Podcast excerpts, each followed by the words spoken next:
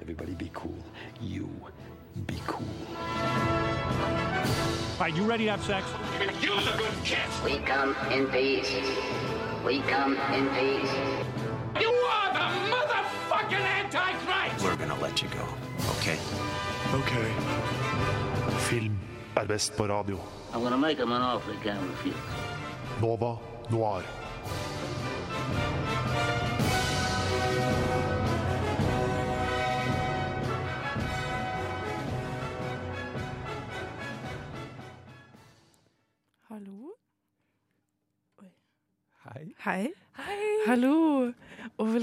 Til eh, Nova Noir. Eh, det er torsdag, og klokken er ti. Og dette er faktisk Nova Noir sin første sending siden mars. Og det kan du sikkert legge merke til, fordi vi er alle, det er litt sånn spent sten, spen, spenning Stemning i studio akkurat nå. Um, for vi, er, vi er litt rustne, rett og slett. Det er, det er en liten stund siden. Og, men jeg er da Ina Sletten, eh, og jeg er heldigvis ikke alene i studio. Jeg har et, eh, en fin duo som skal eh, holde meg Hva heter det? Jeg vet ikke. I hvert fall, De skal passe på meg og deg, kjære lytter, i dag. Så i studio med meg i dag har jeg Sondre Hølås Hei. fra Sorgenfri. En liten vikar for tiden. Og også Embla Åstein. Hallo. Hei. Hei. Dette er din andre sending. Du fikk akkurat vært med uh, før vi måtte stenge Nova pga. korona i mars. Så vidt. Ja. Vi var vel siste sendingen som gikk på lufta, eller noe sånt. Ja, hele Ja. den siste sendingen til Radio Nova, faktisk. Uh, så det var litt fint, da. Mm. Men, eh, og da er det jo Det vi skal prate om i dag, er jo selvfølgelig preget av korona. Og da tenker du kanskje å nei, skal de snakke om sånne pandemifilmer? Nei da, heldigvis ikke. Eh, men vi skal prate om eh, de filmene vi plutselig har fått tid til å se. For eh, nå har vi hatt mye tid til overs, man har sittet hjemme, og da er det kanskje nå man har tid til å se de filmene som alle har bedt om å se.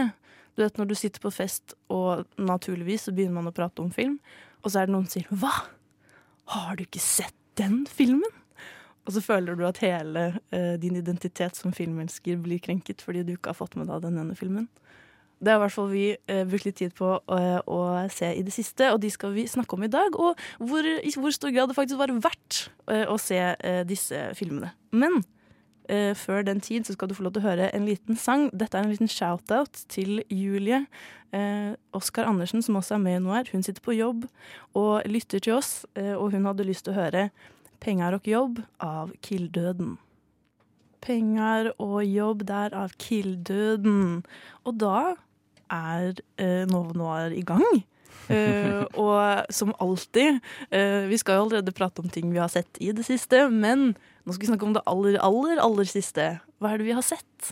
Embla, hva har du brukt tiden på, din på i det siste? Jeg har begynt å rewatche Community. Oi! Har dere sett det? Ja, ja, ja. Nå har, det har kommet på Netflix. Eh, så nå liksom driver jeg og ser gjennom de første sesongene en gang til. da Og det er ganske mange år siden jeg har sett det, så jeg var litt spent på sånn, kommer det fortsatt til å være morsomt. For jeg husket det som veldig, veldig gøy. Og det er det. Så bra. Det er veldig gøy. Men er ikke Community blitt litt controversial med, på grunn av han ene? Hvem hvem ene da? Han gamle? Oh, ja. Chevy Chase. Ja. ja. Jo, jo. Men tenker du noe på det når du Ja, den er jo litt sånn litt på kanten. Men jeg føler de gjør narr av det også Ja. i serien. Jeg vet ikke. Men hva har han gjort? Har det skjedd noe med han Chevy Chase? Nei, han er vel bare stort sett vanskelig å jobbe med, tror jeg. At han bare er en drittsekk på, på sett og generelt i livet ellers, sier ryktene. Um, Uh, ja, for han spiller jo den karakteren i serien nå, for ja, så ikke vidt. sant? Ja, for jeg tror det er det folk sier, at han på en måte representerer seg sjæl Ja. i den serien. Og at også, men som du sier, at de tuller med at han er en drittsekk. Det er litt sånn boomer før boomer ble en greie, ah. egentlig. Mm. Sånn, ja. Han er jo den verste karakteren. Og, Han er den verste karakteren. ja, men det går greit, fordi serien hater han også. Hele serien går jo ut på egentlig utestenge og mobbe han. Mm. Ja, ikke I stor grad, da. Men uh, det anbefaler veldig å ta og se en gang til. Du syns det holder seg? det holder seg Ikke alt. Det, skal, det er ikke noen ting. Men det meste. Det holder seg overraskende bra, da. Men er det litt gøy å se eh, han Donald Glover? Eh, det var på en måte så tidlig i hans karriere. Nå har han jo blitt så stor Eh, og hvordan er det å se han så liten? Å, det er skikkelig gøy! Ja. Ja, Han er jo så bra i den serien, og så morsom. Og karakteren han spiller, Troy, er også en av mine favorittkarakterer. Sammen med Abed. De er jo liksom den power, beste. power couple. Veldig power couple. Åh. Og så er det gøy med serier som er så meta. Det, det er jo samme fyr som har lagd Rick og Morty, er det ikke? Han, Jo. jo. Jo. Og det er liksom mye av det samme Som jeg liker ikke det like godt, da. Nei. Det er ikke helt lov å mene, men Nei, nå får du Julie blant annet som Ja. hører på. Hun syns det er uh, helt forferdelig å si. Da. Men Ja. uh, jeg har også sett på en sitcom. ja. Men dette, og dette er også en sånn serie som alle har vært sånn Hva? Har du ikke sett den? og det er nemlig Seinfeld. Uh, for alle sesongene de ja. Ja! Skulle du si noe, Sondre? Nei. Uh, men det har jeg begynt å se på, for alt ligger på Viaplay. Um, og hver sommer så har jeg på en måte et prosjekt. Uh, I fjor så var det uh, Frustrerte fruer, uh, og nå er det Seinfeld. Og nå er jeg på sesong fire. Um, og jeg tror at jeg blir morsommere av å se på Seinfeld. Og jeg tror at jeg kanskje tror at jeg er liksom komiker.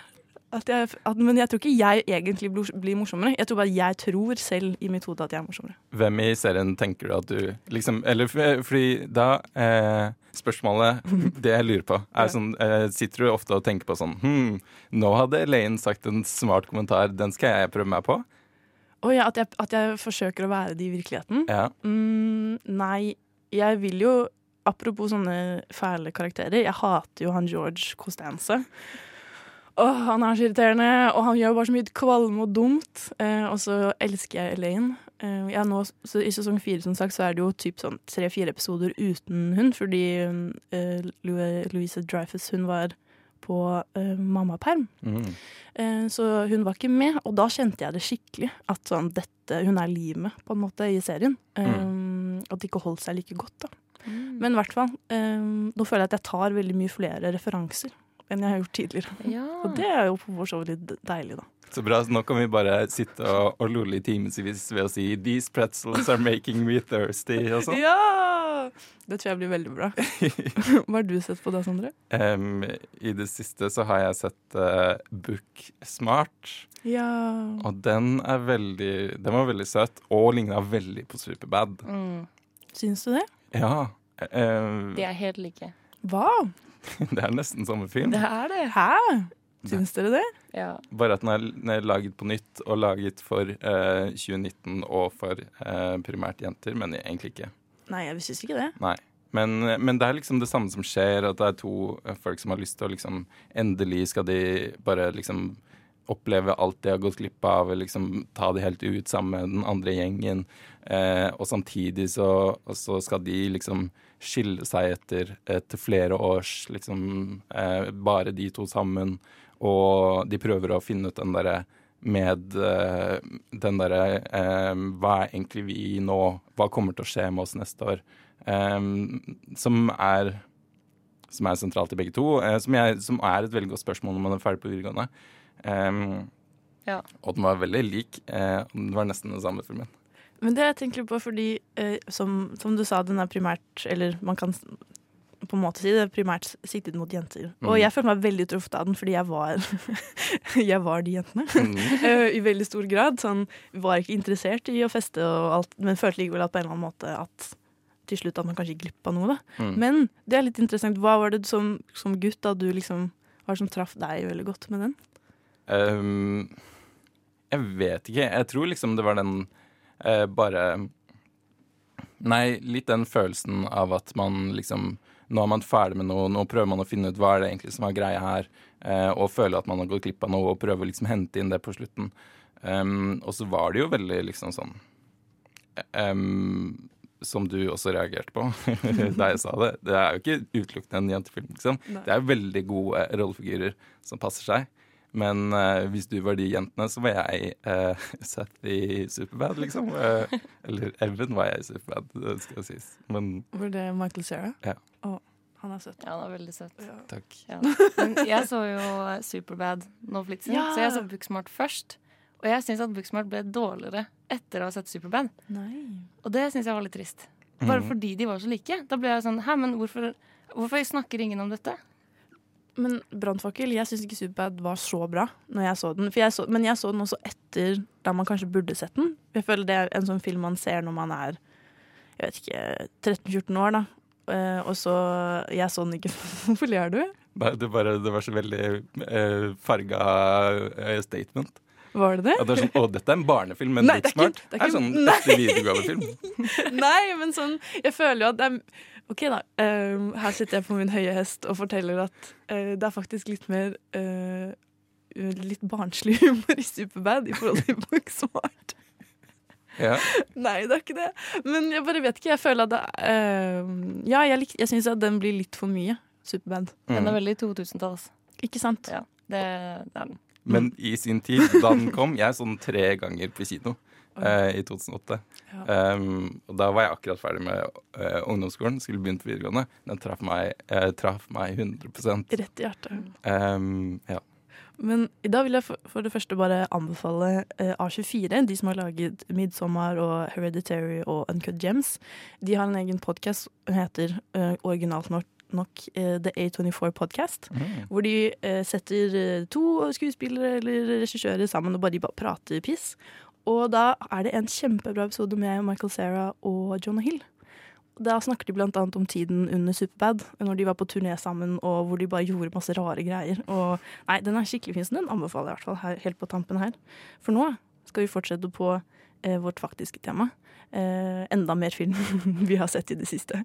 Og det blir gøy. Eh, og, men eh, bare hold deg på tråden. Eh, I mellomtiden kan du høre Tiny Butt av eh, Jazz Emu. Tiny Butt der altså med Jazz Emu. Og da skal vi ut på vår eh, første film eh, som eh, en av oss har opplevd å bli fortalt. Hva? Har du sett den? Eh, og det er nemlig Inglorious Bastards. Hva, hva handler Inglorious Bastards om, Embla? Eh, å drepe nazister, egentlig. Ah, det var ja. veldig godt oppsummert. Ja. Det er uh, spagettivesteren, tror jeg Tarantino mener selv, i hvert fall. Oh, ja. Som tar sted under uh, nazi-okkuperte Frankrike. Og så følger man liksom uh, nazist-hunters, da. Uh, Idet de bare dreper og slakter masse nazister. Uh, ja. One thing, one thing only. Killing Nazis. The German will be sickened by us. The German will talk about us. And the German will fear us. Nazi ain't got no humanity. They need to be destroyed. Each and every man under my command owes me 100 Nazi scalps. And I want my scalps. Nine, nine, nine, nine, nine, nine. Sound good? Yes, sir! Nei, nei, nei. men eh, de fleste har jo hørt om Glorious Bastards. Um, men Embla, dette var din film. ja. Jeg er fortsatt litt flau over det. Men man må vel bare eie det, egentlig. Eh, dette har vært bare min sånn Den filmen jeg burde ha sett, men ikke ser i så mange år. Bare jeg, Og den filmen jeg har løyest mest om å ha sett. Det er liksom sånn Det er også den filmen som alltid de guttene jeg har vært litt småforelsket i, har som favorittfilm. Og liksom sånn, Jeg vet ikke hvorfor jeg bare ikke har sett den. Det hadde gjort livet mitt mye enklere. Men den bare, det har vært veldig vanskelig for meg å bare sette meg ned og se den. Fordi når du har løyet om det, har du da bare sagt sånn ja, ja? Eller har du liksom fortalt ting om filmen liksom, som om du har sett den? Ehm, mest bare ja, ja, men jeg har også vært veldig sånn påståelig på at det ikke er hans beste film. Sånn, det er ikke Tarantinos beste, og nei, nei, nei. Fordi dette, grunnen til at jeg lyver mye om dette, er fordi jeg har sett veldig mange andre Tarantino-filmer. Og det, det har jeg, sånn på ekte. Og de um, Og jeg er veldig glad i Once Upon a Time in Hollywood, for eksempel, og Kill Bill. Og veldig mange, sånn, spesielt sånn gutter på vors, er veldig sånn ah, de er ikke like bra som Inglorious Bastards. Sånn. Og hvis jeg da sier sånn, ah, men den har jeg ikke sett, så er samtalen over. Ikke sant? Da er diskusjonen ferdig. Da sier jeg bare nei. Og så kan jeg fortsette å prate om de, da. Men hva syns du nå? Eh, Er Inglorious Bastards den beste Tarantino-filmen? Nei, det er jo ikke det. Det er ikke det. det er, er det noen som mener noen av dere det? Nei. Sånn helt Ja. Du mener det? ja. Ida? Men hallo, ja, ok, Inglorious Bastards har så mange sånn uh, intense, sånn ufattelig sånn utmattende scener. Bare sånn introduksjonsscenen eh, i eh, Inglorious Bastards er noe av det beste jeg har sett, liksom. Ja, og det er dritbra. Det er det. For det gjør vondt, og det er, eh, det er skikkelig ja, Jeg bare vet ikke, jeg blir alltid veldig rystet av den scenen. Og for eksempel når de er nede i kjelleren, eh, og uh, Fassbender viser tre fingre, og du bare vet at nå har han fucket opp alt sammen, eh, og du, du bare sitter og stresser, svetter mens du ser på filmen. Det, da, mm, jeg syns den er skikkelig bra. Ja, den, og det, det, jeg, det må jeg liksom påpeke. Den er bra. Den er veldig bra. Men det er bare ikke Tarantinos beste. Men ja, altså, den er kjempebra laget, kjempebra skrevet. Lange, intense scener, som du sa. Og liksom disse fem kapitlene som filmen er delt opp i. Det er jo dritkult. Men bare i forhold til de andre filmene hans, så liksom satt jeg ikke igjen med noe sånn Jeg satt ikke igjen med noe særlig sånn inntrykk annet enn sånn Å, det var en fet film. Men de andre filmene så er liksom, som eksempel Once Upon a Time in Hollywood, da, som jeg har en veldig stor kjærlighet for, men som veldig mange andre ikke liker. Den er så stemningsfull, den er så moody, og bare sånn det at han kjører rundt i bilen i timevis, at den bare lar deg liksom puste og forteller så mye annet. da. Her føler jeg det bare var drepe nazister, men på en veldig kul og spennende måte. Men det er fortsatt bare det vi gjør. Jeg tror at som du sier da, Det er alltid disse guttene på fest som sier at uh, Glorious Best er den beste. Men det er også fordi jeg føler at det er det som på en måte gjorde Quentin Tarantino kjent også. Litt den volden og litt den Ikke sier Nå hever du øyenbrynene dine mm. på meg, Sånn Jeg trodde, trodde du skulle si noe annet enn det du endte opp med å si. Oh, ja, ok, Ja. Så det var sånn etterreaksjon? Du hadde forberedt en reaksjon? Ja. Ok. Vel, jeg bare føler at uh, den aggresjonen da, er sånn det som har gjort han til et uh, household name. Uh, og man blir da sint da, på grunn av Once Upon a Time, som er veldig annerledes egentlig fra det man kjenner Tarantino som. Fordi her var det jo ingen, som du sier, man bare kjører rundt i en bil og bare chiller, egentlig. Mens uh, Ingrid Bastard er bare uh, full trøkk hele tiden, og Mm. med et mål og en mening. Hvis jeg kan komme med et motargument til det, eh, så syns jeg at jeg er enig i det du sier. Og, og det er jo veldig mye vold i Pulp Fiction og i Reservoir Dogs og i, i Kill Bill som kom etter hvert. Men eh, samtidig så hadde jeg sagt at det han er veldig god på, som ikke bare er meget grafisk vold, er dialog. Eh, og liksom en spennende dialog som drar ting videre, men som virker naturlig. Og det syns jeg ikke ofte den gjør i Inglourious Bastards. At det bare er sånn Å, lol, nå skal vi skalpe noen nazier. Å, men han smarteste typen, han er nazist. Men å, nei, han er smartere enn meg. Så dumt. Det er veldig sant. Eh, og det er bare sånn Å, nå skal vi skyte alle sammen. Ba, ba, ba, ba, ba. Men, men i, han er veldig god til å skrive dialog innimellom. Og det er ofte de jeg syns er mest spennende å se igjen og igjen og igjen. Men jeg vet ikke om jeg hadde Jeg har ikke sett Inglorious Passage på eh, flere enn to eller tre ganger. Eh, fordi jeg er litt lei. Ja, Dette er ikke en film jeg fikk lyst til å være sånn Og den vil jeg se igjen med en gang. På en måte. Men skjønte du hvorfor alle ber deg om å se den? Jeg tror kanskje dette er, som du sa, litt sånn manges første møte med Tarantino. Men fordi dette er en av de siste Tarantino-filmene Tarantino-filmene jeg ser, så var kanskje ikke den volden og sånn så sjokkerende. Dialogen var ikke så Det var ikke hans beste. Så når, når jeg har sett noe som er bedre, så bare blir ikke det her like bra. Men selvfølgelig, hvis dette er deres første møte med han, og det var her de liksom ble forelsket i han, så skjønner jeg at kanskje de har et nærmere forhold til den filmen. Og det er jo kanskje et poeng at uh, det er aldri noen som nevner Jackie Brown. Fordi det er de tingene eh, folk liker med Tarantino, er bare vold, vold, vold. Men ikke eh, nå skal vi prate sammen på en ordentlig og spennende måte for å drive plottet framover. Nå synes jeg dere er, Du er litt sånn nedlatende nå. Ja. De som liker Inglourious Bastards. Og det, det jeg egentlig har lyst til å si, er at alle som liker Inglorious Bastards best, tar feil og er dumme. Enig. Ja, da sitter jeg her um, og står for min mening og synes at jeg synes det er uansett det er vanskelig å rangere filmer. Men jeg syns faktisk at jeg synes Inglourious Bastards er en av de bedre. Men nettopp fordi um, jeg føler man kan, som dere sier, da samle Tarantino et, med et par stikkord. Og så liker jeg nettopp det at han har en slags dualitet med at han eh, kan vise forskjellige sider av seg. Og At han kan bruke Inglourious Basterds bare på eh, litt lengre intense scener med mye, mye vold, og så kan han ha Once Upon a Time in Hollywood, som bare er dialog, basically. Og litt flammekaster her og der. Men eh, Og humor og vold. ja, Ja. men ikke i samme skala. Nei. Nei. Inglorious Inglourious Bastards er faktisk Jeg syns den er morsommere enn Once Upon a Time in Hollywood. Det er mer humor.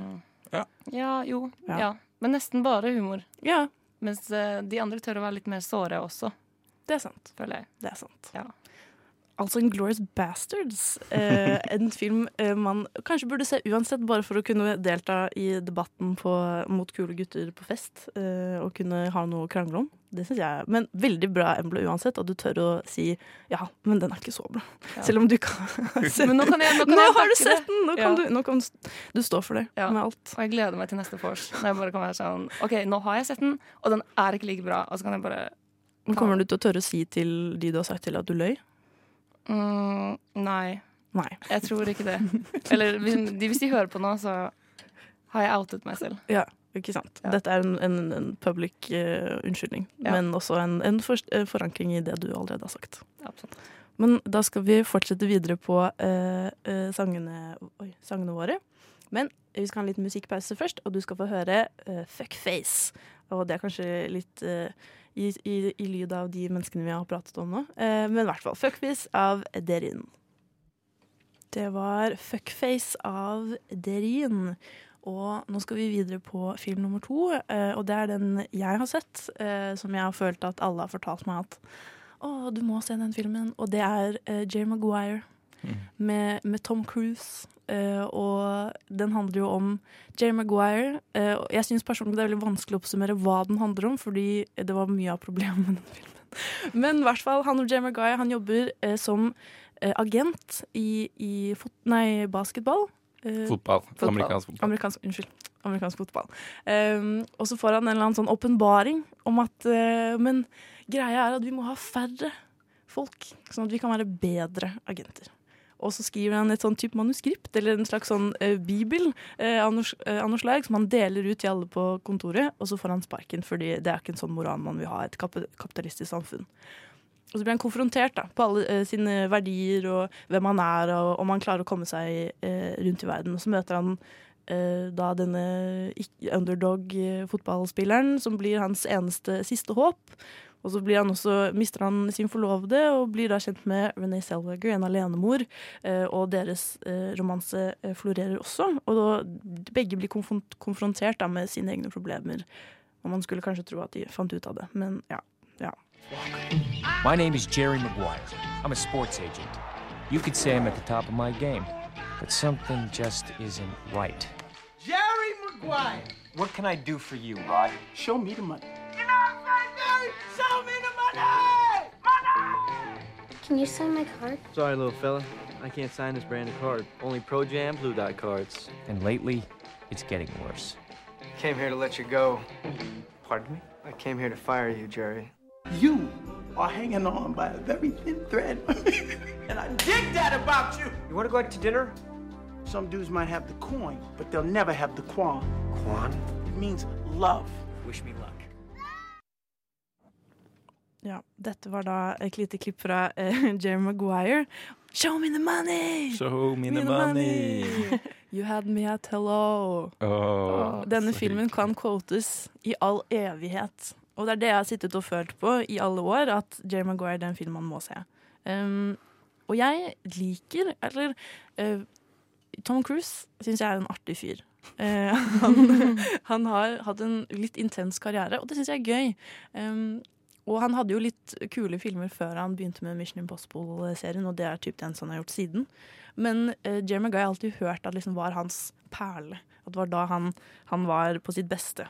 Um, og da, det var disse forventningene jeg satt med da jeg skulle begynne å se Jerry Maguire. Den har også vunnet en Oscar til og med for det beste supporting actor.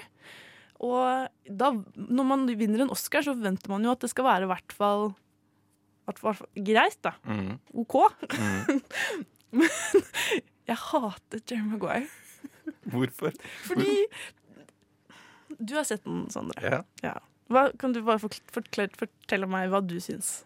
Um, da, vi, da jeg så den sist, så var, kom det jo fram at det var meget mye som var ganske problematisk med filmen. Ja. At uh, For det første så er det sånn uh, Tom Cruise han, han slår opp med Han blir dumpa av forloveden, og så, og så blir han forelska Eller så møter han en jente som er forelska i han, og så tenker han ja ja, ok, greit, vi kan ligge sammen. Og så, og så er han bare ensom, og så blir de bare sammen. Og så, og så bare blir han med henne fordi det ikke er noe bedre alternativ, liksom. Det er ikke noe intens kjærlighet. Og han sier til og med jeg er avhengig, jeg klarer ikke å være alene. Jeg er avhengig av å være med noen. Han innrømmer det, og likevel så klarer han ikke se at hans uh, avhengighet til René Zellweger er et problem. Og hun har jo bare lyst på Hun er ikke forelsket i han heller, hun har bare lyst på en mann fordi hun har et barn. Hun, hun tenker bare 'Å, han kommer til å bli en god far for mitt, min sønn'.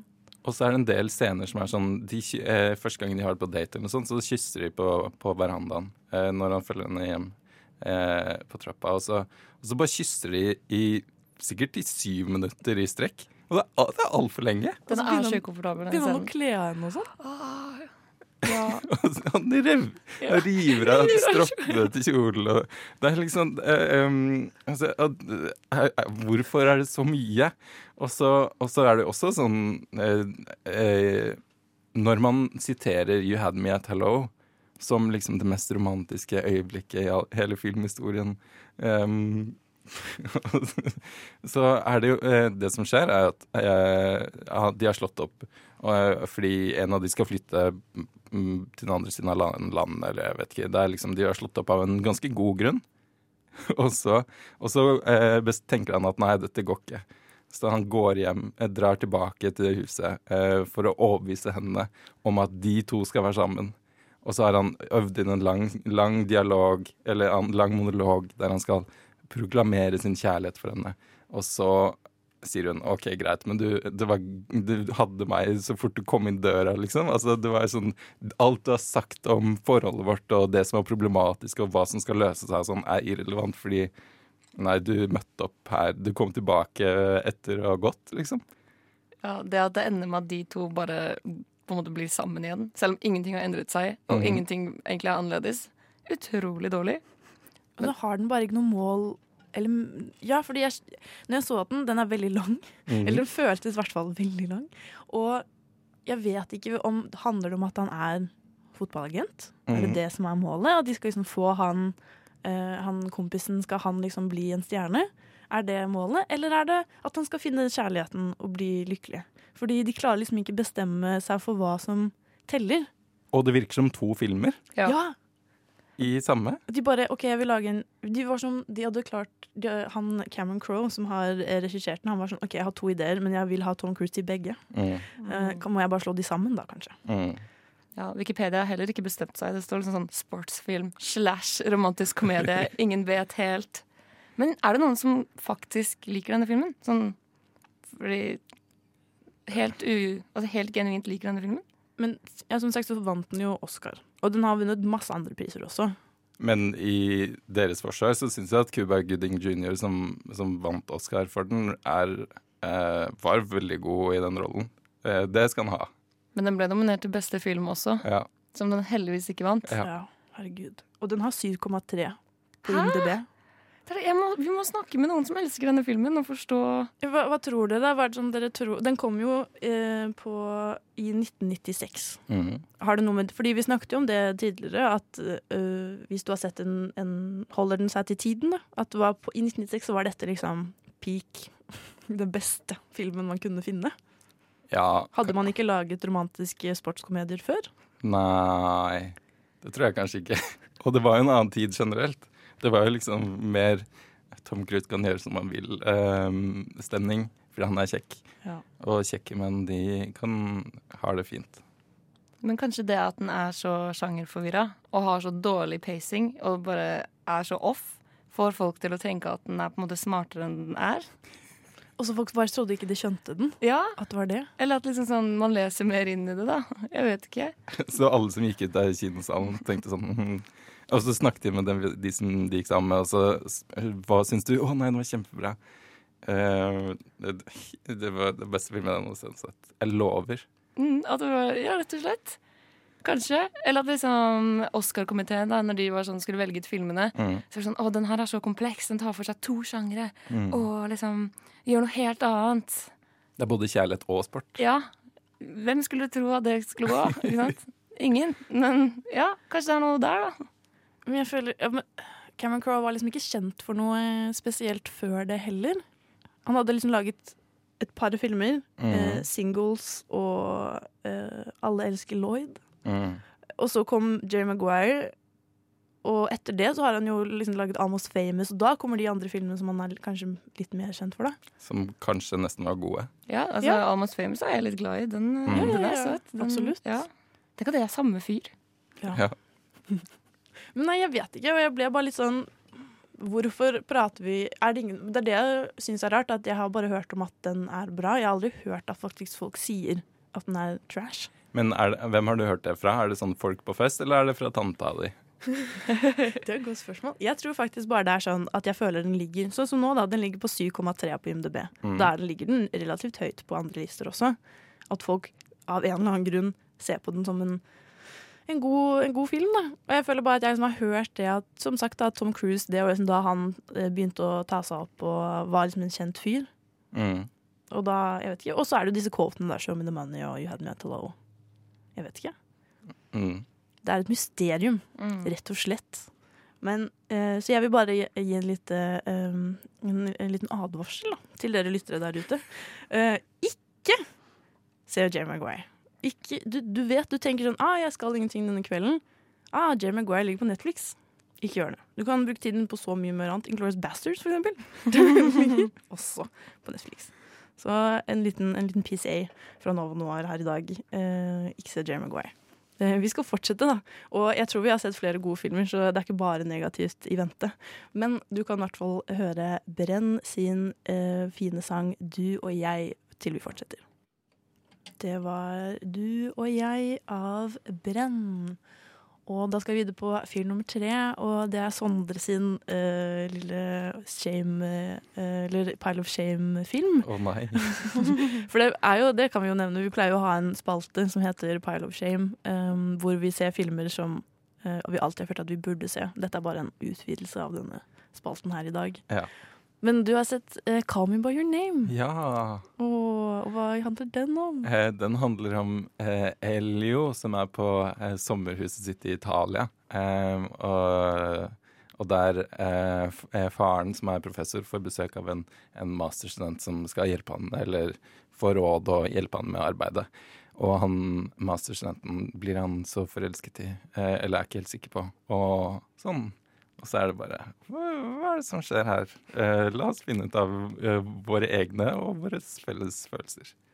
By the time I cry, You only knew how little I know about the things that matter. build your walls around. What things that matter? White noise, what an awful sound. You know what things.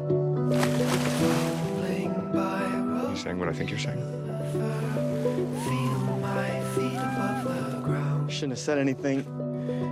Just pretend you never did. Nature has cunning ways of finding our weakest spot. Blessed be the mystery of love. Call me by your name and I'll call you by mine.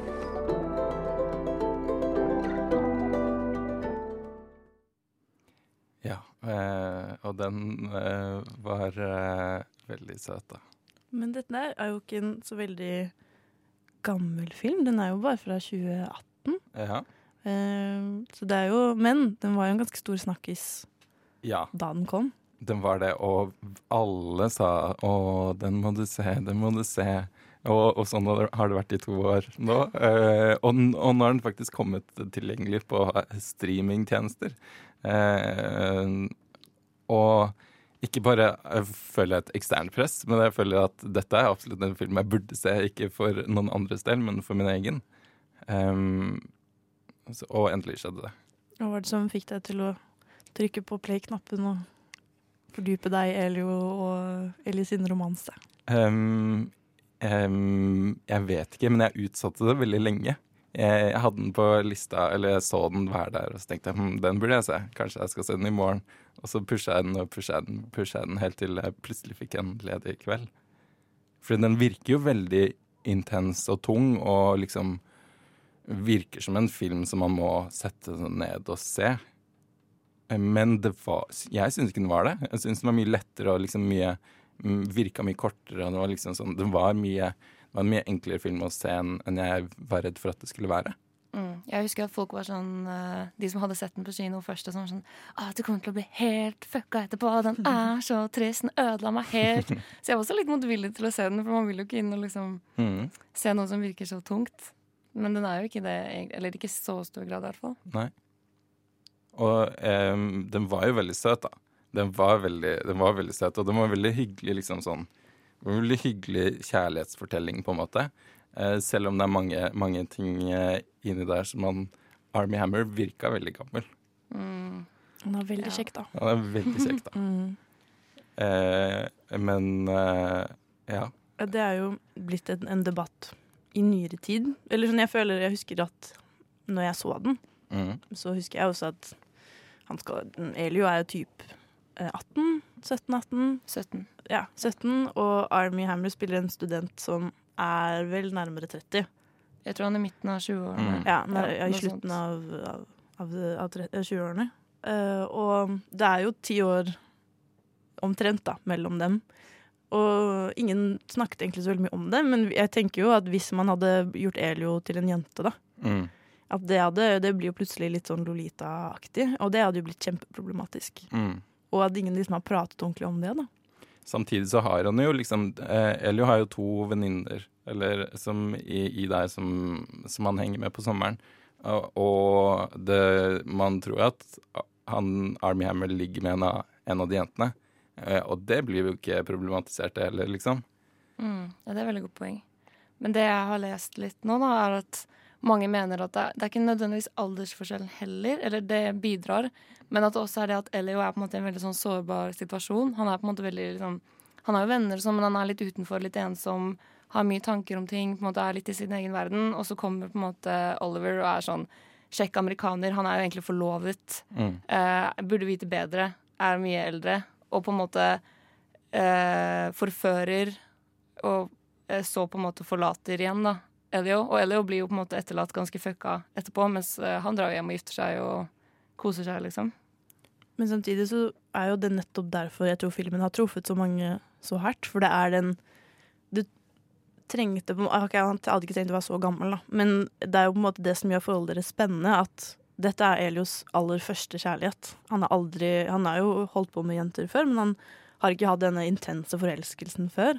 For hans føles alt veldig veldig ekte og veldig, ja, veldig mye. Mens for Army Hammer så er det jo mer Dette har han jo opplevd før, for han har jo vært forlovet, og han har sikkert holdt på med andre før. Mm. Og det er da du liksom innser på slutten, når, når alt snur seg, da, at OK, men han så ikke på dette som like intens i det hele tatt. Han så bare dette på som en flørt, han. Tenkte ikke på, Mens Eliot var dette var hele li verdenen hans den sommeren, og blir jo helt knust etterpå. Og jeg, for det er det da, jeg, jeg ser problemet, at han har en makt over Elio, men samtidig så er det jo nettopp det som gjør hele filmen så spennende, da.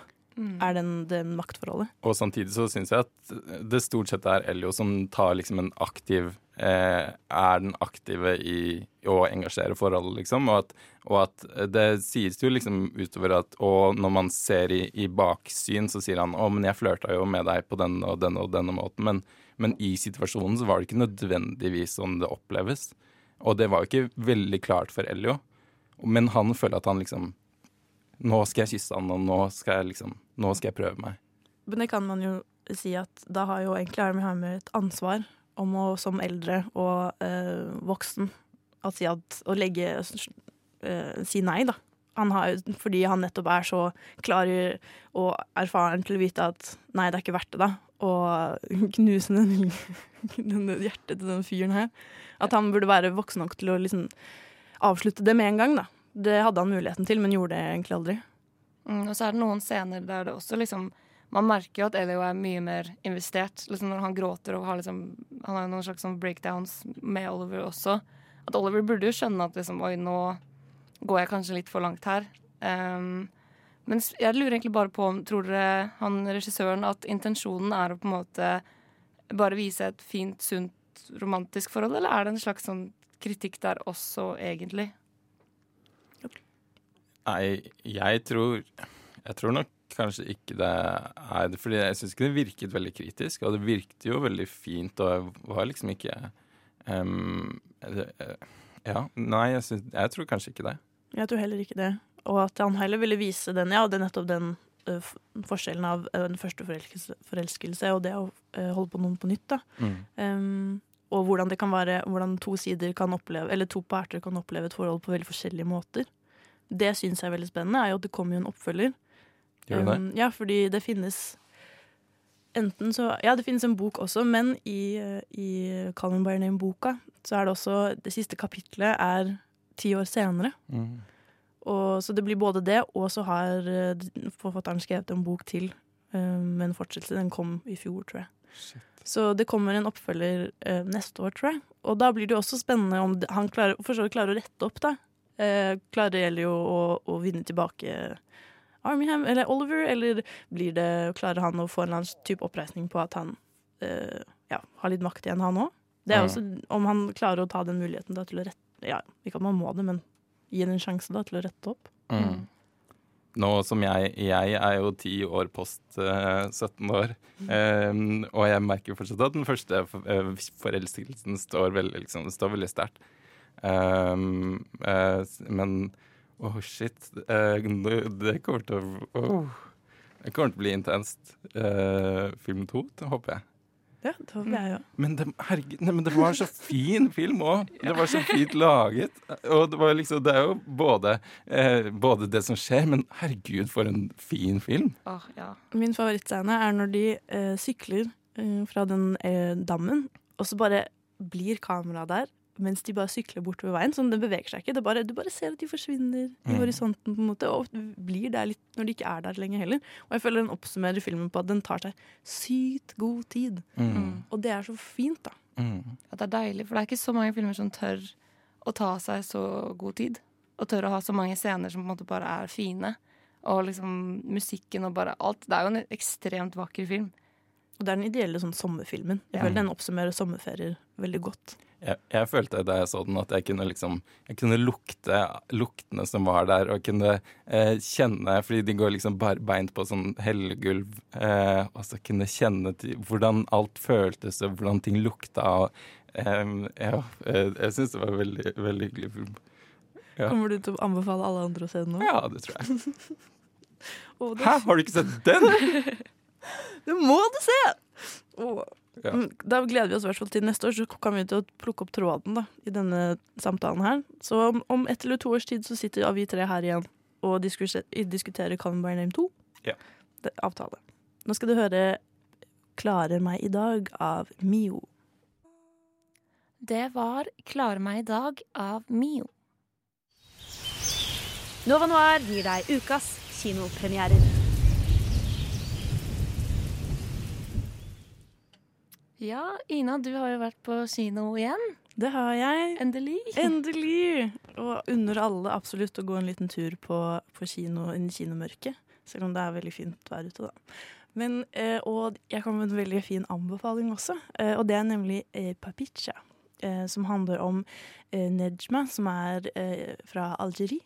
Og det handler om hennes eh, møte med borgerkrig og konservative muslimer, og hennes ønske om å gjøre, følge drømmene sine.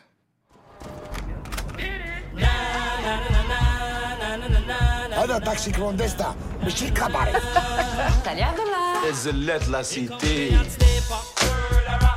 ربي يعاونك ربي يعاوني لا تجيب لي قهوه كان اسمها بلي لا سيتي دي بورديل سيال اوفير هاك على اليوم تما بلي السلعه تاعك يتباع 100 بيدين يقولون بلي تجي من طليان واحد ما فاقري العام الجاي نحل حانوت سي كوا سا استيقظت الجزائر صباح اليوم على وقع Ja, for dere ytterst få der ute som ikke kan fransk. Eh, Nei, eh, er, de snakker jo på fransk her. Det er som sagt i Algerie. Eh, Den er plassert ca. på 90-tallet, når borgerkrigen begynner. Og Nejma går på universitetet, og her hun driver også da og ønsker å bli klesdesigner. Så hun og venninnen eh, drar ut om eh, snikskjøt om natten på ulo i lovlige taxier eh, og drar på nattklubb og selger klær på eh, doene til andre jenter. Og har det egentlig ganske bra. Og vil bare leve, leve livene sine. Men samtidig da, så utvikler det seg at flere og flere blir konservative. Hun river ned flere plakater eh, som eh, forteller at kvinner må dekke seg til og være mer anstendige. Og hun blir stadig hyppigere fortalt at hun må være mer underdanig. Og det er dette og flere situasjoner som til slutt gjør at eh, hun tar all sin frustrasjon og sinne og putter det inn i et moteshow hvor hun skal bare lage klær som tilhører hva heter det, drakten haik, som er et eh, algerisk eh, m- hva heter det, folkedrakt. Eh, og hun skal designe da variasjoner av dette og ta på en måte kulturen sin tilbake igjen. Og det er det samtidig da som hun har lyst til å elske landet sitt. Hun, er ut veldig, hun har ikke lyst til å flykte. Hun blir som fortalt gitt muligheter da, til å flykte fra borgerkrigen. Men hun vil ikke, for hun elsker landet sitt, hun elsker vennene sine, hun har lyst til å bli her. Men samtidig så får, blir hun bare mer og mer undertrykket. Og dette moteshowet da blir på en måte eh, målet i løpet av, eh, i løpet av filmen. Og filmen er regissert av uh, Mornia Medour, og det er hennes debutfilm. Og det var også Oscar-kandidaten. Den ble ikke nominert, men var en av uh, representantene, i hvert fall. Uh, og eh, Nedma spilles av eh, Lyna Kordri. Kodri. Og hun Det er også en av hennes første hovedrolle i en spillefilm. eh, og hun skal også være med i eh, faktisk Wes Andersons In The French Dispatch, som kommer tidligere i år. Nei, senere i år. Og hun er jo hun bærer hele denne filmen. Eh, fordi hun er Det er mange utrolig sterke og vonde øyeblikk som eh, Lyna er helt fantastisk i. At hun bare skriker og bare viser utrolig mye følelser med øynene sine. Og er ja, utrolig dyktig skuespiller. Eh, og klarer da å vise alle de forskjellige sidene av eh, Nejma. Og, og det er det som gjør at denne filmen er så sterk også, fordi den endrer veldig stemning. Og At det går fra å være hyggelig og bra til plutselig at de er under angrep, eller at eh, ting ikke går som det skal. Så det er en berg-og-dal-bane, rett og slett, eh, av en film. Eh, og man blir liksom overveldet da, eh, av å sitte og se på den, fordi den i tillegg eh, tar seg veldig god tid til alt sammen. Eh, Når eh, hun sitter og syr, så kan vi ha flere scener hvor man får sånn eh, innblikk på at hun liksom bare folder forskjellige typer stoff. At hun prater til seg selv om hvordan hun skal sy ting. At hun samtidig da, som de prøver å fortelle eh, om hele den situasjonen, så tar de seg veldig god tid til å bare vise de små detaljene da, eh, ved, ved hovedkarakteren, som er utrolig flott. Så eh, nei, den er eh, treffer veldig hardt og er veldig vakker, rett og slett. Eh, vakker film.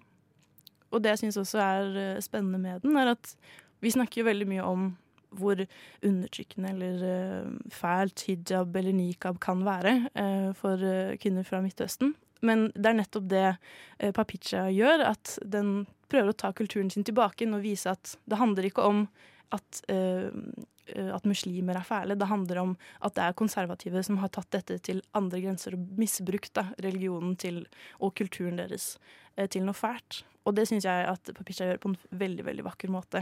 Og prøver å vise at det er mennesker som står bak all, all dette vonde. Det er ikke noe med religion eller, eller tro som har, har ødelagt eh, land og, og, og, og oppvekster, da, rett og slett. Så du ville anbefalt den? Ja, veldig. Eh, Jeg syns det er i hvert fall nå i disse tider hvor det ikke er så mange nye filmer, eh, så syns jeg uansett at man, jeg vil oppfordre folk til å se de litt eh, alternative filmene. Det er jo trist at mange store blockbustere er blitt satt på pause, sånn som Top Gun eller James Bond-filmen, som jeg også har vært lei meg over. Men det har på en måte åpnet et vindu for at de litt mer alternative filmene får skinne. Da. At nå er folk så desperate til å dra på kino, og da kan du liksom se hva som helst, egentlig. Og da syns jeg Papicha er en, et veldig godt alternativ. Eh, Du, blir, eh, du får så mye glede, men også blir veldig opplyst og rørt, rett og slett, av å, av å sitte i kinosalen. Så den anbefaler jeg helhjertet. Hvilken eh, poengsum hadde du gitt den? Jeg gir den en åtte av ti, eh, Ja. tror jeg. Eh, Det er en opplevelse. Så jeg anbefaler alle å gå og dra og se den, og følge med på både eh, Monia Medor og eh, Lyna. Hun skal jo som sagt være med i The eh, French Dispatch, så jeg håper vi ser mye, mye mer av hun framover. Men da skal vi fortsette eh, på eh, temasendingen vår. Eh, vi skal ha da en eh, sang i mellomtiden, 'Daughters of Reykjavik', eh, med sangen 'Sweets'. Sweets der av eh, det islandske bandet, eh, eller gruppen, Daughters of Reykjavik. Og etter en, en liten anmeldelse så har vi nå eh, hoppet videre til eh, en trilogi som man føler eh, at man alltid har burde se. Og hva tenker du nå? 'Ringenes herre', Star Wars. Er, hvilken trilogi er det, er det snakk om her? Transformers? Nei, Det er nesten like ille. det er nesten like ille. Det er Gudfaren. Dun, dun, dun. Har du ikke sett det? Um, Gudfaren! Um, Gudfaren handler om uh, Michael Corleone, som, uh, som etter mye om og med Han uh, lever i en familie eh, som driver med organisert kriminalitet eh, på 40-tallet i, i New York. Eh, og Michael har ikke lyst til å bli gangster. Han har sagt til kjæresten sin at det kommer aldri til å skje. Men når um, mye skjer. Det er krig mellom faksjoner og de andre familiene. Og så må Michael plutselig, eller Michael da, som han heter, eh, eh, ta over. Han må, han må stå i sitt Han må gjøre sin plikt i familien og bli eh, gangster på egen hånd.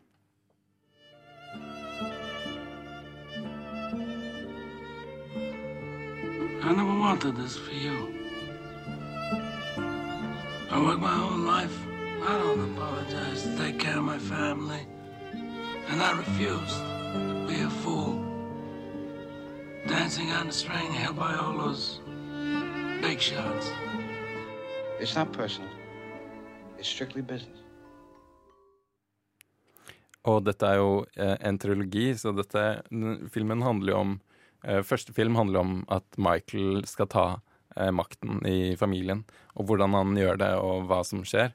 Og der film to handler om simultant både OK, hva er det han gjør som sjef, eh, og liksom det er 10 eller 20 år på 50- og 60-tallet, der han er sjef og gjør mange ting og, og bestemmer med hard hånd.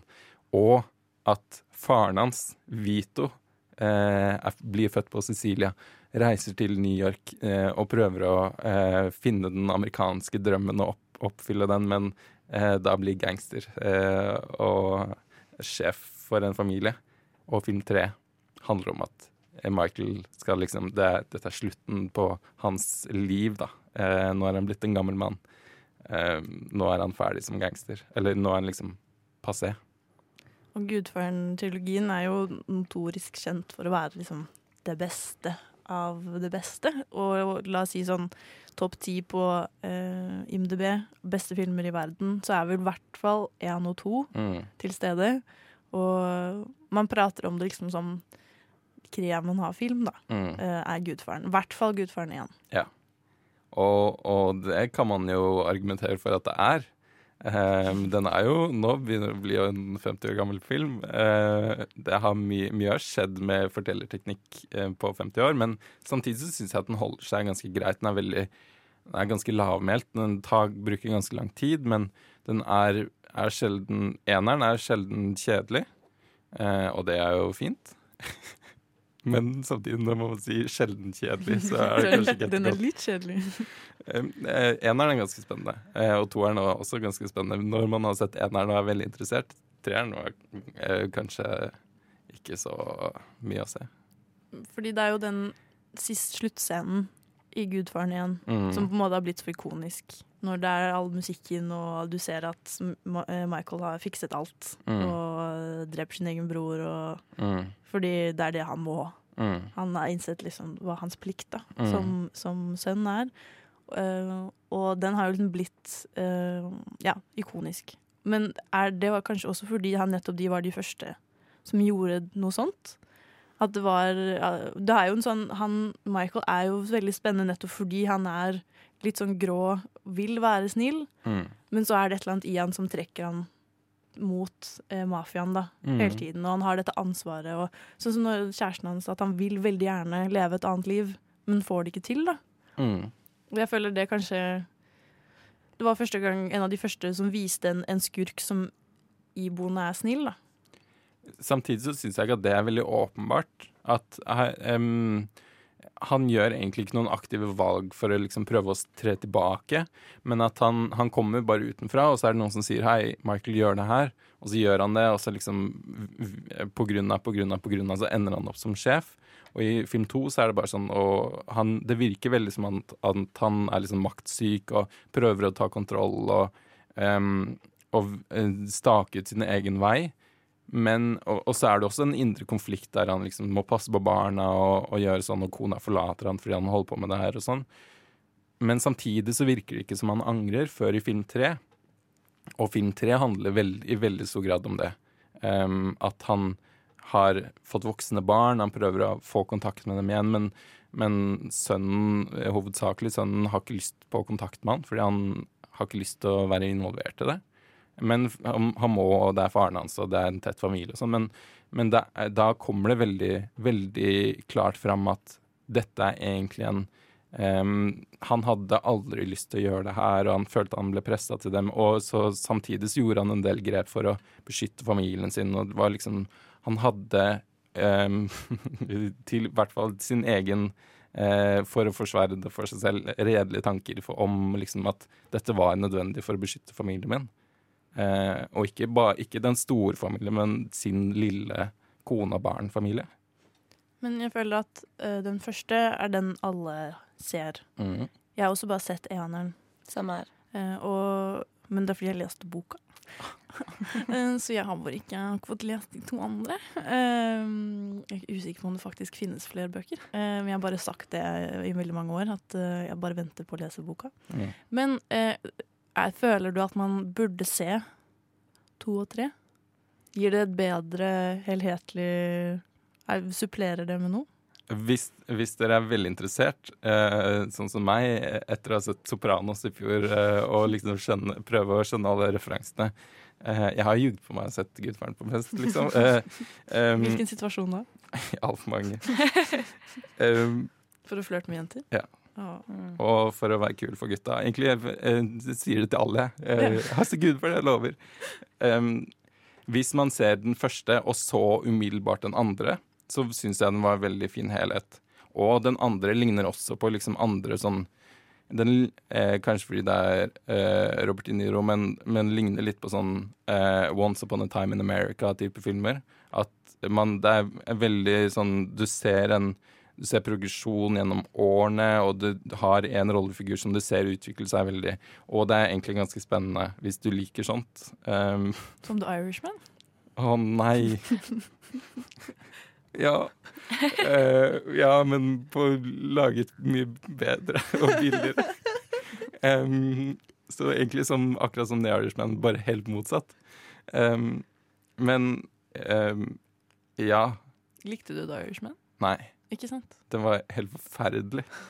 Altfor lang og kjedelig hele tiden. Det var ikke spennende. Og det fun- ingenting som funka. Men er det kanskje det, eh, det, gudfaren, eh, det gudfaren, faktisk, gudfaren har gjort riktig? At eh, de har fordelt utover flere filmer?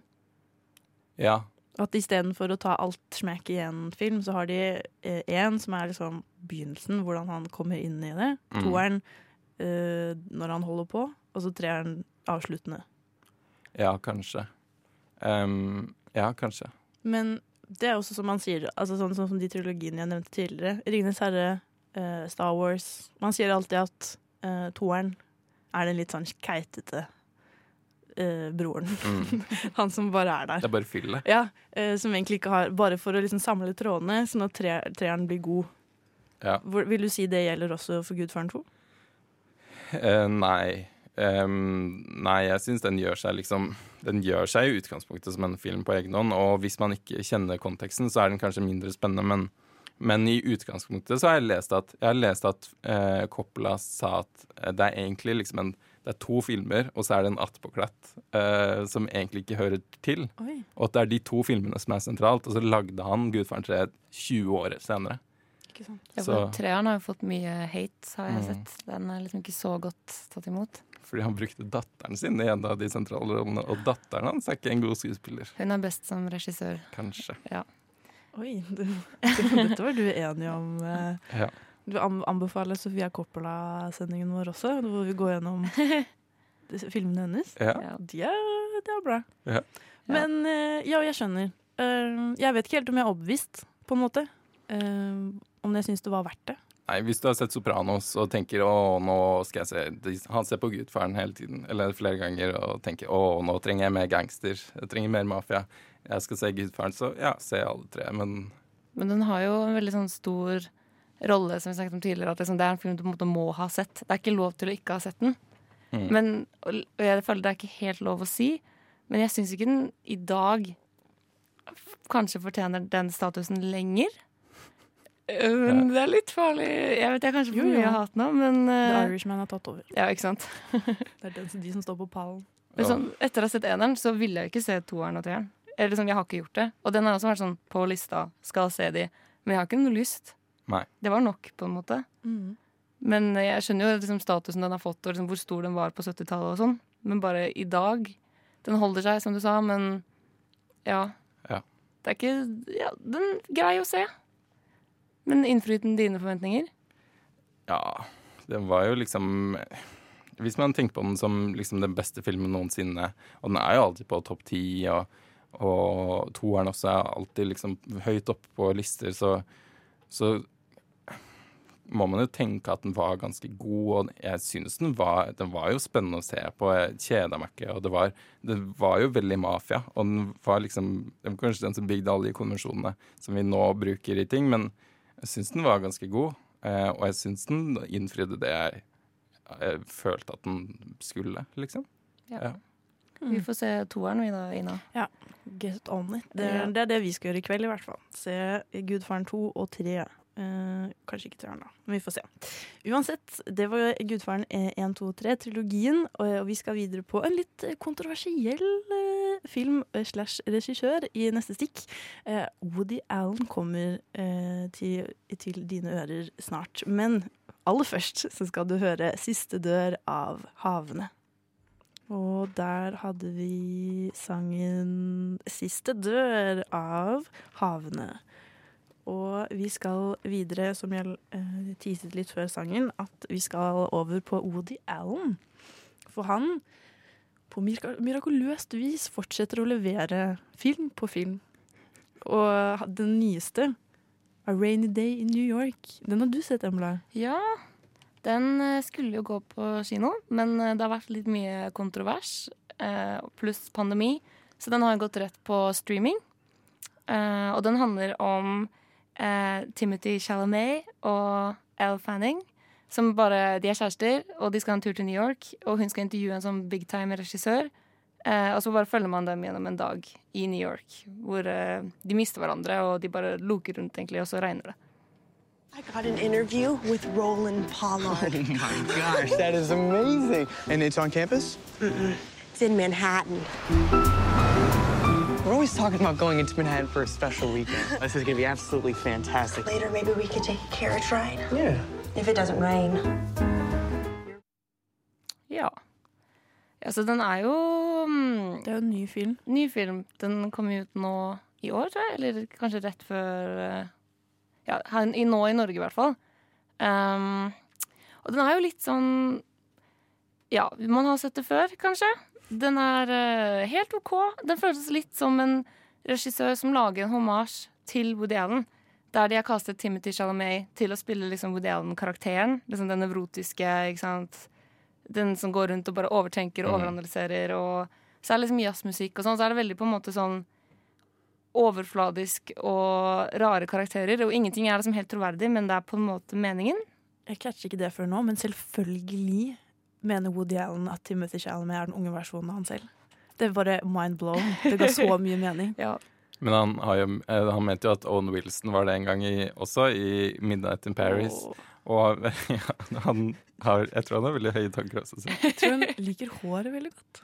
Ja. For det er både Owen Wilson og Timothy Chal- Chalamet gode på. Hår. Ja, sant. Og så snakker de veldig sånn som de har sittet og sett på Woody Allen-filmer og liksom følt på måten han prater og sånn. Så det føles som de spiller han. Det er litt merkelig. Det føles litt som en parodi, men det er samtidig ikke. Fordi på en måte så strider jo dette, denne filmen mot temaet vårt, på en måte. Men det er jo egentlig bare Woody Allen i seg selv. har gått fra å være Eller er jo fremdeles en fyr som vi er sånn Har du ikke sett uh, Annie Hall? Har du ikke sett ikke sant, alle disse filmene hans? Og, mens nå er det plutselig blitt litt vanskelig å si det. Mm. Fordi man ikke man, alle, er sånn, alle har sett Annie Hall, men ingen tør å si det, egentlig. eller, at det, eller sånn som uh, den her, da. Eller uh, Café Society. Mm. Eller uh, den, der, den, den som kom før den her. Husker ikke hva den heter. Men i hvert fall at han kommer med nye filmer eh, stadig vekk, da. Men man tør liksom ikke prate om at man har sett dem. Mm, ja, det har gått litt fra sånn eh, Oi, har du ikke sett den? Til liksom Oi, har du sett den? Ja, det er sant. Sånn, ah, ja, det, han er på en måte blitt Ja, ikke helt lov å like. Og det, og, men det skjønner jeg jo selvfølgelig, og det er jo med god grunn. Eh, til de som ikke vet, så er det jo Han har jo giftet seg med adoptivdatteren til ekskona si, som han egentlig da på en måte har vært stefar for. I tillegg til at uh, datteren hans har kommet ut og sagt at han uh, forgrep seg på henne da hun var barn. Så det er jo en god grunn til at han blir boikottet. Um, men det er bare interessant å se hvordan liksom, filmene hans har gått fra å være veldig sånn kultstatus til å liksom også få en litt sånn negativ eh, ja, holdning til, da, på en måte. Og så er det jo det at folk, eller gode skuespillere, flokker jo til filmene likevel. At det er, Vi snakker om det som om ah, nei, fy søren, Woody Allen, ass. Men så kommer Jude Law, uh, Timothy Chalmay, uh, Elle Fanning, alle disse uh, veldig i tiden skuespillerne, og blir med. Og tenker ikke så langt at det er feil, men så i ettertid, da, når filmen kommer, så som, da donerer de bort, pengene de har tjent på filmen. Vil ikke bli, sånn, anerkjenne at det var en god film. Så jeg skjønner ikke hva, hvordan tankerekken er der. på en måte, At du, du vet at Woody Allen er ikke grei, og så likevel så blir du med i filmen og angrer etterpå. For dette er jo ikke nytt. Det har jo Nei. vært det i, i fem Mange eller snart ti år. Eller ja, det er ganske lenge. Ja. Men du sa at denne kanskje begynner å bli litt sliten, at han har en slags formel. Mm, ja, absolutt. Um, det er ingenting nytt her. Det er ikke en nødvendigvis dårlig film heller, men det er bare litt sånn Det føles litt ubetydelig, da. Litt sånn Denne filmen var grei å se, og nå kommer jeg til å glemme den. Så det er jo litt som han kanskje ikke Jeg føler i hvert fall ikke at det virker som han har så mye på hjertet lenger heller, da. At det mer er bare sånn Så lager vi en sånn film igjen der det er en sånn fyr som går rundt i New York og liksom snakker med kunstnere og snakker veldig meta om kunst, og eh, har to damer som vil ha han, og liksom Ja, det er mye av det samme, bare litt dårligere. Så det er jo kanskje greit at Woody Allen slutter å lage filmer også, på en måte. Sånn det, det, Filmen er ikke så veldig bra lenger heller, liksom. Kanskje flere burde være som Quentin Tarantino og bare ha maksgrense på ti. Ja. Nå er det tvilsomt om man faktisk gjør det, da.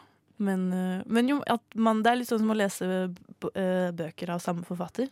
At du ser etter hvert at, eller gjennomskuer litt, da, at her har du egentlig en formel som du bruker på nytt og på nytt, og til slutt så bare blir det slitent, da, og ikke Mm. originalt lenger. Også som Gudfaren, for eksempel, da, som var veldig originalt i sin tid, men som i dag kanskje ikke blir sett på som like sånn wow som det på, på sin tid var, da. Mm. Mm. Men han har jo noen filmer som Altså, jeg er jo veldig glad i Annie Hall, men den har jo blitt litt ødelagt for meg. Men sånn, han har jo noen filmer som jeg Hvis man skal se bort fra liksom, at det er han som person som har laget de, så føler jeg at de er veldig verdt å se. Og, fordi det er veldig gode filmer. Men så er det jo igjen litt vanskelig å skulle skille mellom kunstneren og verket og alt det der, da. Men jeg vil jo på en måte anbefalt folk å se eksempel Annie Hall. Men ja, det er litt problematisk, da. Hva hadde du sagt, Sondre, hvis noen ba deg om å slå opp en, en Woody Allen-film? Jeg, jeg har litt inntrykk av at han gjør alt det samme eh, som han alltid har gjort, på en måte. Um, og jeg husker da jeg så liksom Jeg så en del av de filmene som kom liksom på midten av 2000-tallet og sånn. Så jeg syntes at det var litt kjedelig. Um, så jeg hadde vært litt uh, Og, og jeg, hadde vært litt var, liksom. Em, og da jeg så traileren til denne her, så syns jeg at det virka veldig veldig streit og kjedelig. Så litt ut som en TV-film, nesten, liksom. Eh, men uh, jeg vet ikke. Nei. Jeg hadde ikke blitt veldig gira for, å- for å se en Woody Allen-film lenger. Nei, så vi håper egentlig at han slutter snart. Han har uansett dritmye penger, så han uh, kommer til å klare seg godt i livet. Han trenger egentlig ikke lage flere filmer, uh, tenker jeg da. Men eh, han, har, han har kommet med mye godt, da, eh, på tross. Kan man diskutere. Uansett. Eh, da skal vi eh, videre. Vi er egentlig ferdig med, med temaet vårt for i dag. Nå skal vi ha eh, en liten lek, eh, nemlig 20 spørsmål. Eh, og, men rett før det så skal du få høre en sang til, og det er One Time for Burger av Old Burger Beats og Vujo.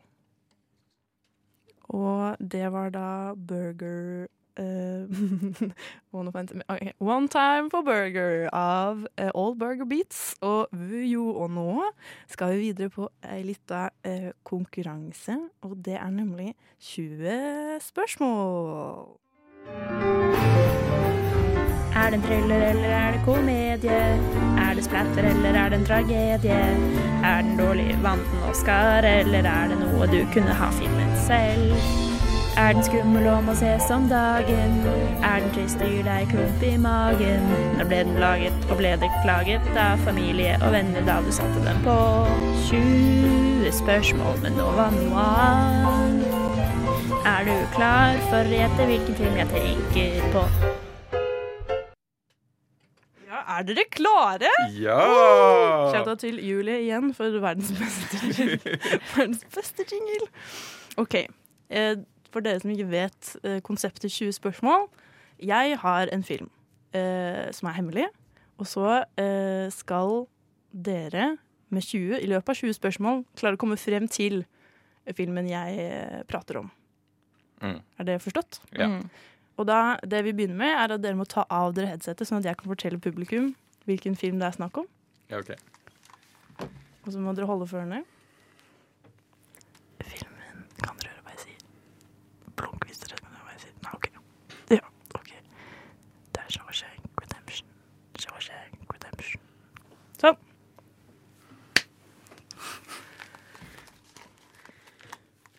OK. OK. Wow. Fyr løs. Og... hørte du hva hun sa? Nei. Nei. Nei. uh, åh, konkurranseinstinktet. Ja, vi kan jo Ja. begynne Er det oss mot hverandre også? Nei, nei, nei. nei, nei. Det er oss mot, men jeg er bare redd for at vi ikke skal få det til. Ja. Eh, Skal Ja. vi begynne med å liksom definere sjanger først? Eller, eller sted, kanskje? Ja, Kanskje om det er uh, live action eller animasjon. Ja. Eller hvilket år, eller hvil, Ok, hvilket Dere kan ikke diskutere okay, ja. på denne måten. Dere okay. må bare spørre spørsmål. Uh, okay. Er den, er, den, uh, er den laget nyere eller senere enn de siste 20 årene? Er den nyere enn fra 2000? Oi, nå spør dere vanskelig her. OK, vent, da. Den, om den, er, jo, den er ikke så gammel. Er den fra etter 2000? Uh, der, der, der, okay, Ok, men hun må google. Det, Det er det vet vi. cirka i overgangen, Ja. kanskje? Ja. Shit, det er Jerry Maguire? Nei. uh, nei, den er uh, ikke fra Den er eldre. Den er eldre. Oi, Mm. ok. Er det live action? Ja. Ok. Det er to spørsmål. Er, det, hun noterer, hun noterer. er, det, er den fra Amerika? Ja. Okay. Oi, oi, oi. Oi. eh, og så kan vi jo tenke på sjanger, da. Ja. Er det, mm, tror du det er, er det actionfilm? Nei. Ok, bra. Um, og jeg slutter for å bruke opp spørsmål. Ok, Er det en romantisk komedie? Nei. Oh. Mm. Ligner den mer på romantisk komedie enn på action? Ja. Ok, hva kan Så en hyggelig film. uh, er- den eh, eh, ansett som en bra film? Ja. Okay. Oi. Og nå, dette begynner å Um, er det Er det en um, OK, det er lurer Jeg har jo lyst til å komme Ja, effektivisere det her. Ok, ja, ja. Vi har 20 spørsmål. Det er jo ganske mange. Jeg lurer på liksom hvem Er det veldig kjente skuespillere i hovedrollene, eller er det Mm. sånn ganske kjente skuespillere i hovedrollene? Mm. Um, um, hvis OK. Eh, hvis, hvis jeg hadde gått forbi Hvis jeg hadde gått forbi eh, hovedrollen på gata, Ja. hadde jeg Var det et spørsmål? Nei, jeg bare tuller. Vil du be, be om um, um, Ville jeg vært veldig gira, eller ville jeg tenkt sånn hm, oh, Shit, der er skuespilleren fra denne filmen. Det er ja-nei-spørsmål. Ja, Ville jeg blitt veld, veldig gira? OK. Hva kan du OK, fra kan, før 2000-tallet, ikke sant? Uh, Ja. Eller før 2000, men Før 2000. sikkert sent på 90-tallet. Ja, Sent 90-tallet, amerikansk. Mm. Kjent, anerkjent film med Mm. superkjendiser.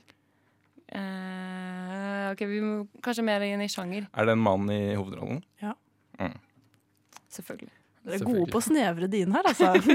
God, kjent amerikansk film med mann i hovedrolle. Det er jo ingen av dem! Å nei! Uh, jeg prøver å tenke som hvis jeg var Ina og ikke hadde tatt. Ja. Um, uh, Dere er forresten oppe i ni spørsmål. Er- oi, ikke det sant? Det går halvveis. fort. Det går veldig fort. Mm. Uh, ok, Jeg bare kjører en sjangerspørsmål til. Er det fantasy? Nei. Ok. Er det det du tror jeg hadde valgt? Ja, Ringenes herre Eh, Um, er det um, spi er hovedrollen er han, er han fortsatt aktuell i filmer nå? Er er han fortsatt skuespiller, liksom? Er han, lager han filmer fortsatt? Han er fortsatt aktiv. Ja. Takk. Ja. Det kan fortsatt være alle filmer. OK, skal vi tenke Hvem? Hvilken? Um, er, det, um, er, er det en film som um, OK, så jeg, jeg tror det er Er det drama, cirka? Er mest drama. Ja. ja, ja, ok, ok. Det er fortsatt utrolig stort. Er det én hovedrolle, eller er det to hovedroller, liksom? Er det, ja, er det, er det flere enn én sentral hovedperson? Eller handler det mest om én? Det er én hovedperson, men det er også en til karakter som er veldig sterk. Mm. Ja. Er det um, um, jeg, jeg, jeg har jo mange tanker. Og Ja, hva ja. Okay, hva, men hva er teori? Har du en teori du jobber ut fra nå? Jeg, eh, eh, akkurat nå så tenker jeg kommer jeg ikke på noe annet enn Forest Gump. Mm. Åpenbart. Spør du om det er. Forrest Gump? Nei, OK. Um, fordi jeg syns den passer med alt, og den er laget på 90-tallet. Uh, og den had, det er liksom drama, og det er én person, men ikke helt uh, Men samtidig litt to. Mm, mm. Uh, hvilke andre filmer kan det være? Jeg tror, jeg tror det er Tom Hanks uh, Ja. Ina tenker på. Ja. Skal vi spørre om det? Fordi det er Tom Hanks er innafor å spørre om. Eller skal du spørre om det er Forest Gump? Nei, er det Tom Hanks? Nei. Åh. OK mm. Mm. Hva hvis vi ikke Knuste jeg den bobla? Ja. Jeg følte også at vi, nærma dere. der. Ja. Dere er søte, da. Uh, det kan være um, Johnny Depp eller Leo også. Ja, eller er- Tom Cruise. Ja. Hvor mange spørsmål har vi igjen nå? Nå er dere på 13, så dere har syv igjen. Matt Damon kan det være. Um, hva kan man spørre Hva mer kan vi spørre om? Fordi vi vet at det er eh, drama. Det er liksom sannsynligvis fra 90-tallet, slutten av 90-tallet. Fordi hun var ikke helt sikker på året, Mm. men det var før 2000. Eh, og det er en, en mannlig hovedrolle som er sentral, og det er en annen rolle. Er den andre personen er det en kvinne? Nei. OK, OK. Mm. OK, jeg tror bare kaste ut et navn. Er Leonardo DiCaprio med? Nei. Oi. Der røk alle mine Fem spørsmål. Ok, Nei, fem spørsmål. Jeg tenkte på den What's Eating Gilbert Grape? Ja. Mm. OK, nå To To menn, Men. stort sett. Og det er drama. Og Ja, det er ikke fantasy. Um, ikke fantasy. Og det er, eh, det er mer romantisk komedie enn action. Uh, um, Åh, det er ikke mulig å få et hint, da. Nei? nei? Hvorfor ikke? Hallo, det er det. Dette klarer dere. Dette klarer vi. tror- det- Er det, er det en film vi, begge vi to har sett? Ja. Garantert. Oi. oh, nei. Jeg føler OK, nå er det bare fire igjen. Ja. Hva kan, det er, jeg kommer ikke på noen som har to menn fra USA 90-tall. ja. Um, jeg kommer bare på film med Matt Damon. Kom igjen! Um, um, og det er um, Men um, Og det er ikke Forest Gump. Er du sikker? Ganske sikker. Kom igjen, nå, må dere bare, kom igjen, nå sitter dere fast i en ditch. Dere Ja, må bare ja, ja, ja. Um, um, skal vi um, eh, Hva mer kan vi si? Vi kan jo snevre inn årene, men det hjelper oss ikke sånn. Nei, jeg tror ikke det. Um, Jeg er lost på to menn. Jeg, bare, jeg kommer ikke på en eneste to menn-film akkurat nå. Det er så mange. Og Leonardo DiCaprio var ikke involvert. Nei, ikke sant? Og Tom Hanks var ikke involvert. Og det er jo alle Hva er man igjen med da? De to eneste filmene jeg kom på da, er ehm, eh, den derre Thomas Crown-affæren, men den var veldig action. Og eh, den eh, med Matt Damon der han er sånn eh, i Italia. Ehm, og Rounders med Matt Damon og Edward Norton. Det er alle filmene jeg husker. Men dere må bare spørre! Eh, Jo fortere dere spør, jo fortere får dere vite svaret. Um, Jeg vil ikke, men jeg vil ikke kaste bort det siste jo, nå kaster vi bort det okay, siste. Hva er det vi lurer på? Hvilken film det er? Hvilken film er det? Ja, nei, spørsmål! Oh. Jeg vet ehm, det hadde hjulpet hvis vi fant person. Du, Mhm. du kan spørre om det er Matt Damon. Er det Matt Damon? Nei. Ja, ikke sant. Da er vi helt kjørt. Ok, Men hvem kan være da? Eh, Johnny Depp kan være. Ja. Det er ikke Leo. Um, ja. Keanu Reeves. De elsker han. oi, det er ikke Speed. Um, um, hvilke andre filmer har han vært med i? Point Break. det var veldig action. Uh, um, Matrix er vel action. Ja, det kan ikke være det. Um, er det er, er, er filmen tilgjengelig på streamingtjenester? Du har ikke sjekket, men det er den sikkert. Det er den sikkert. Ok, ok, eh, Har den vunnet priser? Ja. Åh. Pri ok, Hvem vant Oscar i, på 90-tallet? Titanic. Titanic vant i 97. Det er både Leo og Kate Winslet. Det går ikke. Uh, jeg husker ikke hva som vant i noen andre år. Um, Forrest Gump vant. Ja. Um, Dere har to spørsmål igjen. vi har to spørsmål. Okay. Uh, prisvinnende Film um, Skal vi uh, ja, Hvilke andre filmer finnes det? Ja. Jeg er bare gjest her. Eh, Ja. Du legger skylden på Legger Embla? på meg. Wow. Se, her splitter dere allerede. Dere klarer Vi ikke må å holde sammen mot Tina. um, Og jeg lurer på om noen sitter og hører på meg og bare sånn Å, herregud, skjønner dere ikke at det Ja. er den? Send inn en melding. Ja. Send meg en tekstmelding akkurat nå. Um, nei, jeg Altså, OK, vi vet at det er, det er drama. Det er på slutten av 90-tallet. Det er to menn i hovedrollene. Eh, Eh, nei, tulla. ja. Nei, jeg tenkte plutselig Superbad, jeg nå, men det er altfor Ja, det var det jeg hadde. Åh, er det Still spørsmål. Kom igjen. Er det en superbad-type film? Er den litt morsom også? Nei. Den er ikke morsom. har dere ett spørsmål igjen. Og det må være en film. Ok, så si, må bare gjette si en en. film, bare. Mm. Jeg kommer ikke på en eneste 90-tallsfilm med Hvor to menn. Dårlig um, og med to menn. Ja, Er. Jo, er det Den var ikke morsom, og den var mer drama. Å nei, um, er det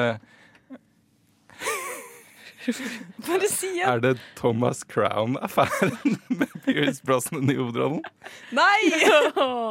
nei. OK, hvis dere, dere var ubrukelige på dette, dette spillet her. Men jeg føler samtidig at det eh, satt, gjorde et poeng ut av filmen jeg har valgt, fordi filmen er Shawshank Redemption. Å, fy faen. Fordi dette er filmen som er regnet som the best one of all time, som alle må ha sett, som alle burde se. Og ikke én av dere var innom tanken Nei. på at det kunne vært Og jeg mener personlig at Tim Robinson er en eh, superstjerne. Mhm. Er du enig i det? Ja, jo Dere bare hang dere opp i sånn kjempesuperstjerner. Ja, vi gjorde det. Han ja, er jo iconic. burde sett at det var, at det var den.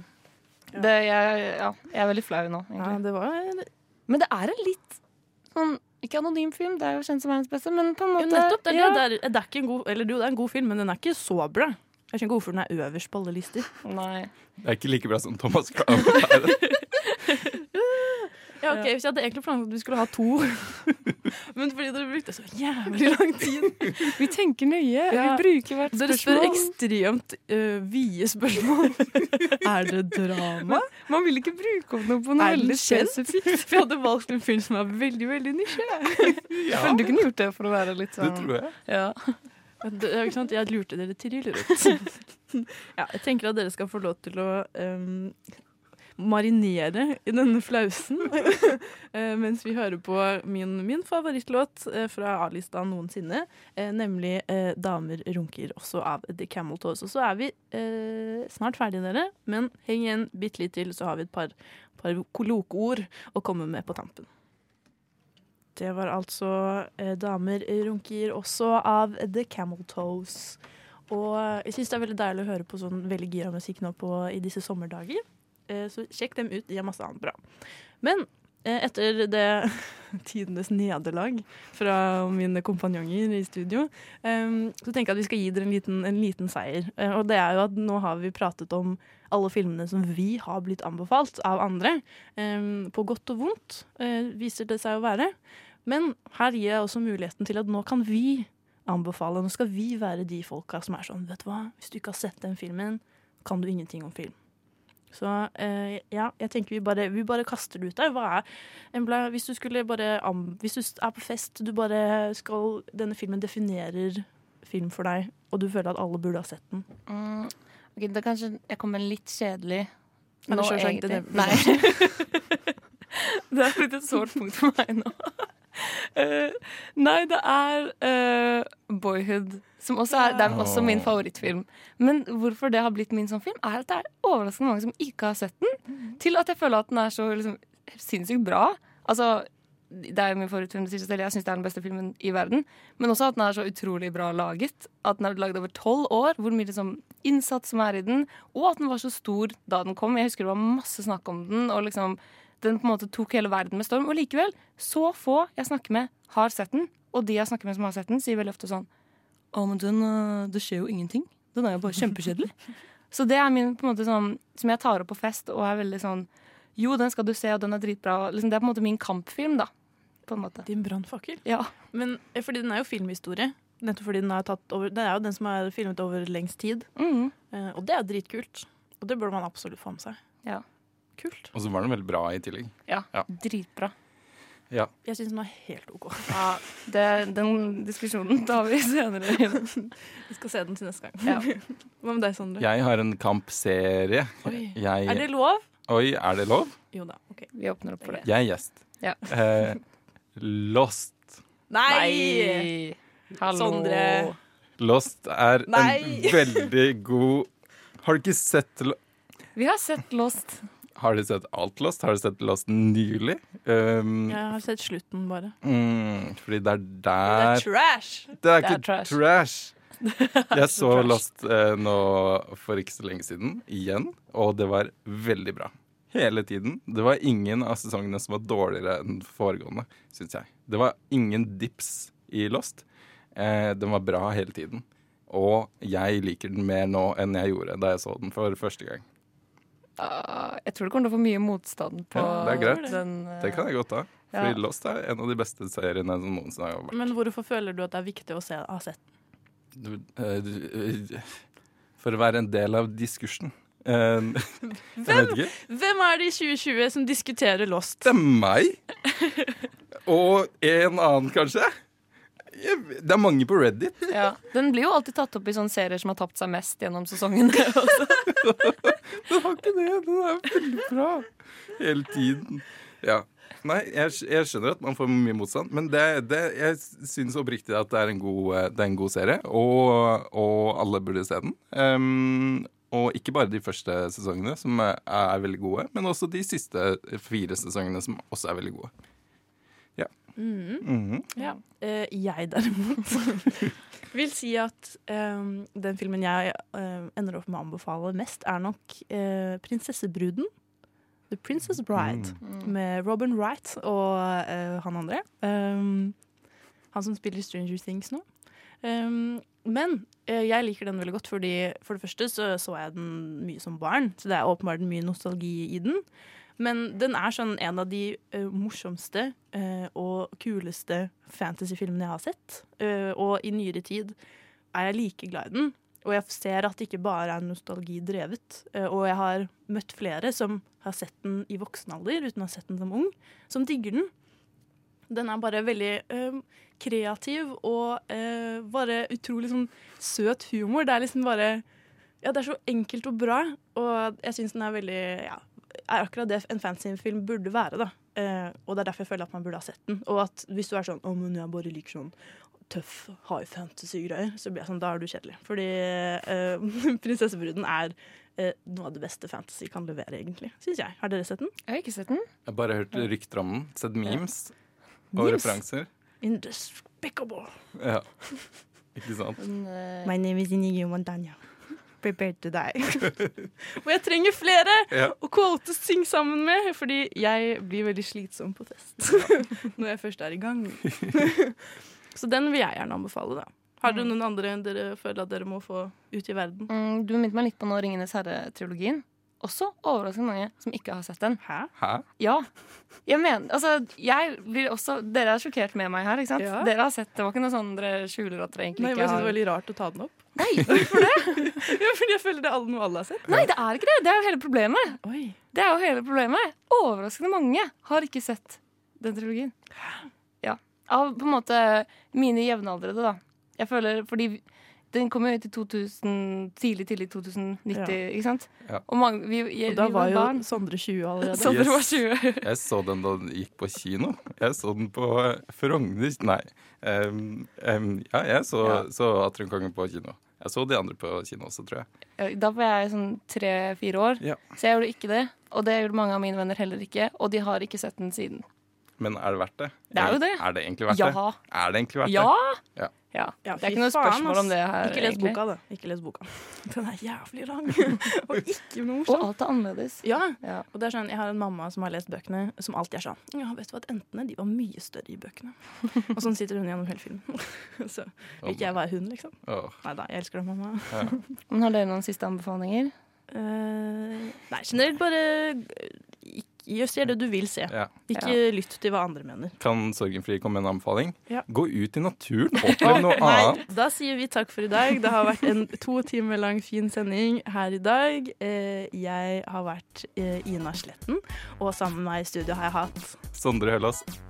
Og Embla Aaslein. Og vi takker for oss. Dette var en liten sommerspesial fra eh, Nova Noir. Og gå hjem, se noe hyggelig. Uh, ja, ikke la sola stoppe deg fra å nyte film i mørket, tenker nå jeg. Det har også vært en anbefaling av Papicha. Åtte av ti ga jeg den, så gå og se den på kino, for all, for all del. Da takker vi for oss. Ha en fortsatt fin dag, og husk å bade og, og bruke solkrem. Ha det! Ha det. Ha det.